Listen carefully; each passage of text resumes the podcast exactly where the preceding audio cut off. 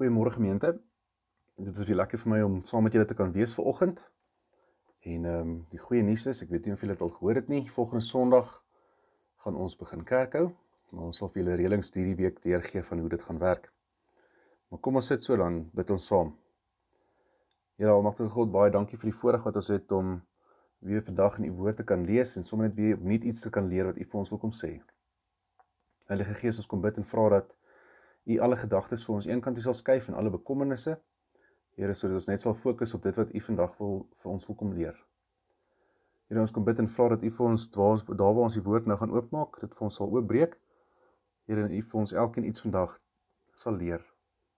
Here, ons bid dat U ons nie onveranderd vir oggend hier sal laat weggaan nie. Ons vra dit in Jesus se naam. Amen. Nou ons teksgedeelte vir oggend is Matteus 2 vers 1 tot 12. En dit is 'n baie bekende teks oor die wyse manne. Jesus is in Bethlehem in Judea gebore tydens die regeringjaar van koning Herodes. Na Jesus se geboorte het daar sterrekykers uit die ooste in Jerusalem aangekom en gevra: "Waar is hy wat as koning van die Jode gebore is? Ons het sy ster sien opkom en ons het gekom om aan hom hulde te bewys." Toe koning Herodes hiervan hoor, was hy die en die hele Jerusalem saam met hom ewig ontstel. Hy het toe die priesterhoofde en die skrifgeleerdes van die volk bymekaar geroep en hulle uitgevra oor waar die Christus gebore sou word. Hulle het hom geantwoord in Bethlehem in Judea, want so is dit deur 'n profeet geskrywe. En jy Bethlehem, gebied van Juda, jy is beslis nie die kleinste onder die leiers van Juda nie. Uit jou sal 'n leier voortkom wat vir my volk Israel 'n herder sal wees. Daarna het Herodes die sterrekykers in die geheim ontbied en noukeurig by hulle vasgestel wanneer die ster verskyn het. Hy het hulle na Bethlehem toe gestuur met die woorde: "Gaan doen noukeurig ondersoek na die kindjie en as julle hom kry, laat my weet sodat ek ook aan hom hulde kan gaan gaan bewys." Nadat hulle die koning aangehoor het, het hulle vertrek. En kyk, die ster wat hulle sien opkom het, het hulle gelei totdat dit gaan staan het bo die plek waar die kindjie was. Toe hulle die ster sien, was hulle baie bly. Hulle het in die huis ingegaan en die kykie saam met Maria, sy moeder, gesien en hulle het gekniel en aan hom hulde bewys. Daarna het hulle hulle reissakke oopgemaak en vir hom geskenke uitgehaal: goud, wierook en mirre. En omdat God hulle in 'n droom gewaarsku het om nie na Herodes toe terug te gaan nie, het hulle met 'n ander pad na hulle land toe teruggegaan. Nou tot sover. Hierdie verhaal is vir ons baie bekend. Ons het almal ons onthou almal hierdie storie van kindheid af. Die wyse manne wat 'n ster sien, dit volg omdat hulle geweet het dit gaan hulle lei na 'n koning toe. Dan vind hulle hierdie koning, die babietjie Jesus. Hulle gee aan hom hulde en eer as ook die baie bekende drie geskenke: goud, wierook en mirre. Maar wie was hierdie manne? Daar word gespekuleer dat hulle of van Arabië of die Persiese koninkryk afkomstig is daarvan Babylon se wêreld. Hulle verteenwoordig ook natuurlik die heidene nasies as mens kyk na die dieper betekenis. Hulle, die heidene wat Jesus ontvang het waar die Jode Jesus gaan verwerp. Wat vir my nog interessant is van hierdie verhaal is dat hier op 'n goddelike wyse met hierdie heidene mense gewerk was. In die eerste deel van die verhaal word hulle deur die ster gelei en aan die einde van in vers 12 word hulle in 'n droom gewaarsku deur die Here.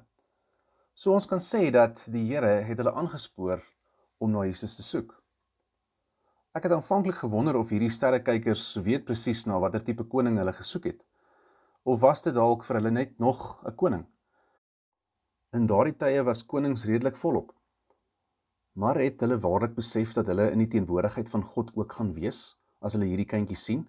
Of was hierdie gebruik om konings te gaan vereer vir hulle 'n algemene handeling? Wat was hulle verwagting? Die antwoord lê in die geskenke wat hulle vir Jesus gebring het. As ook hulle handeling wanneer hulle Jesus vind in vers 11. Hulle het gekniel en hom hulde bewys. Wat beteken hulle erken sy koningskap en hulle onderwerp hulle self aan hom. Die gedagte hier is ook dat hulle hom aanbid het wat wys dat hulle sy goddelikheid ook erken het.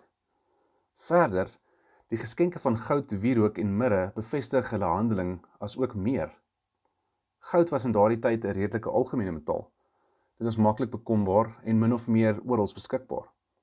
Maar ten spyte daarvan het al die goud wat in 'n land ontgin is, aan die koning behoort want hy het die grond besit. Met ander woorde, niemand kon regtig enige goud besit het sonder dat hy dit van die koning gekoop het nie. Goud en konings is sinoniem. Daarom het die konings dit aan mekaar as geskenke gegee uit erkenning vir wie hulle is. Die goud wat die wyse manne gehad het, sou baie min gewees het. Dalk in die vorm van 'n muntstuk, een of twee goudklontjies dalk of dalk goudpoeier. Hulle bring dus dit wat aan die koning behoort en met konings geassosieer is na Jesus toe. Wierook is gemaak van die afskeiding van sekere bome. En hierdie afskeiding het baie lekker geruik. Mense het dit by, dan bymekaar gemaak en op warm klippe of kole gepak en dan het die wierook gesmeel en die vertrek baie lekker begin ruik. Dit was 'n baie waardevolle besitting om te hê. Maar veral belangrik omdat dit gebruik is in godsdienstige godsdienstige handelinge. Wierook is gebruik wanneer mense met een of ander godsdienstige oefening besig was.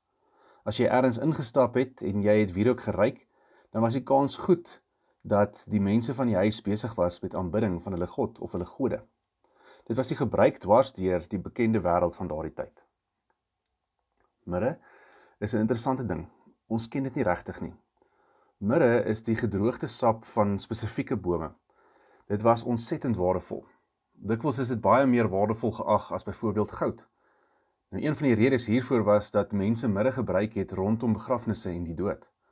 Hulle het die dooie mense se liggame met 'n olie gesmeer wat van mirre gemaak was. Dit het gehelp dat die liggaam nie sleg ruik nie. Dit was dus 'n tipe balsemolie, maar is ook gebruik as 'n medisynemiddel. Die mense het agtergekom dat mirre sekere eienskappe bevat wat mense laat beter voel as hulle siek is. So mirre is gebruik as medisyne en dit was die middel wat sentraal gestaan het in die rituele en gebruike rondom die dood van geliefdes. Nou wat sê hierdie presente vir ons van die een vir wie hulle dit gebring het? Goud, want Jesus is die koning. Wierook, want hy is God en moet vereer en aanbid word. En mirre, want hy het gekom vir die sterflike mens sodat ons nooit meer hoef vas te kyk in die gebalsemde liggaam van dooies nie. Daardie babatjie is die koning van die heelal. Daardie babatjie is God. Daardie babatjie is gebore om te sterf en gebore om op te staan. In daardie drie geskenke word byna die hele evangelie saamgevat. Die wyse manne het geweet wie hy is en hulle handeling het dit bevestig. Soos ek hierdie teks lees, weet ek dat ons vandag steeds gelei word op allerlei maniere. Vir die sterrekykers was dit 'n ster in 'n droom. Vir ons vandag, die Bybel, ander mense en die Gees in ons, asook soms ons omstandighede. Ons word in verskillende rigtings gelei, maar almal eindig by dieselfde plek. Jesus. Maar wie is hierdie Jesus? Hy is die seun van God, self Here. Hy is ons redder. Hy is die een wat ons liefgehad het meer as wat ons ooit sal besef. Koning, God en redder. Wie is Jesus vir jou? Watter Jesus het jy vandag nodig? Die wyse manne het Jesus aanbid en aan hom geskenke gegee. Wat bring ek en jy vir Jesus vandag? Ons kan aan hom gehoorsaamheid gee. Ons kan aan hom vertroue gee en ons kan aan hom ons dade van dankbaarheid gee. Deur dit te doen, bevestig ons deur ons optrede dat Jesus ook ons God, koning en redder is. Amen. Kom ons bid saam. Here Almagtige God, baie dankie dat ons vandag sommer weer opnuut iets kon leer van wie Jesus vir ons was. Here koning, redding, redder en ware God. Here, dankie dat ons kan weet dat deur Jesus se koms en sy sterwe en sy opstanding kan ons gered wees deur die geloof wat ons in hom het. Here, dankie dat ons ook kan weet dat U nie net hierdie dare lank terug vir ons gedoen het nie, maar dat U vandag self nog met ons 'n verhouding wil hê. Here, dat U ons nog steeds vandag lei soos wat U ook in hierdie teks die wyse manne gelei het.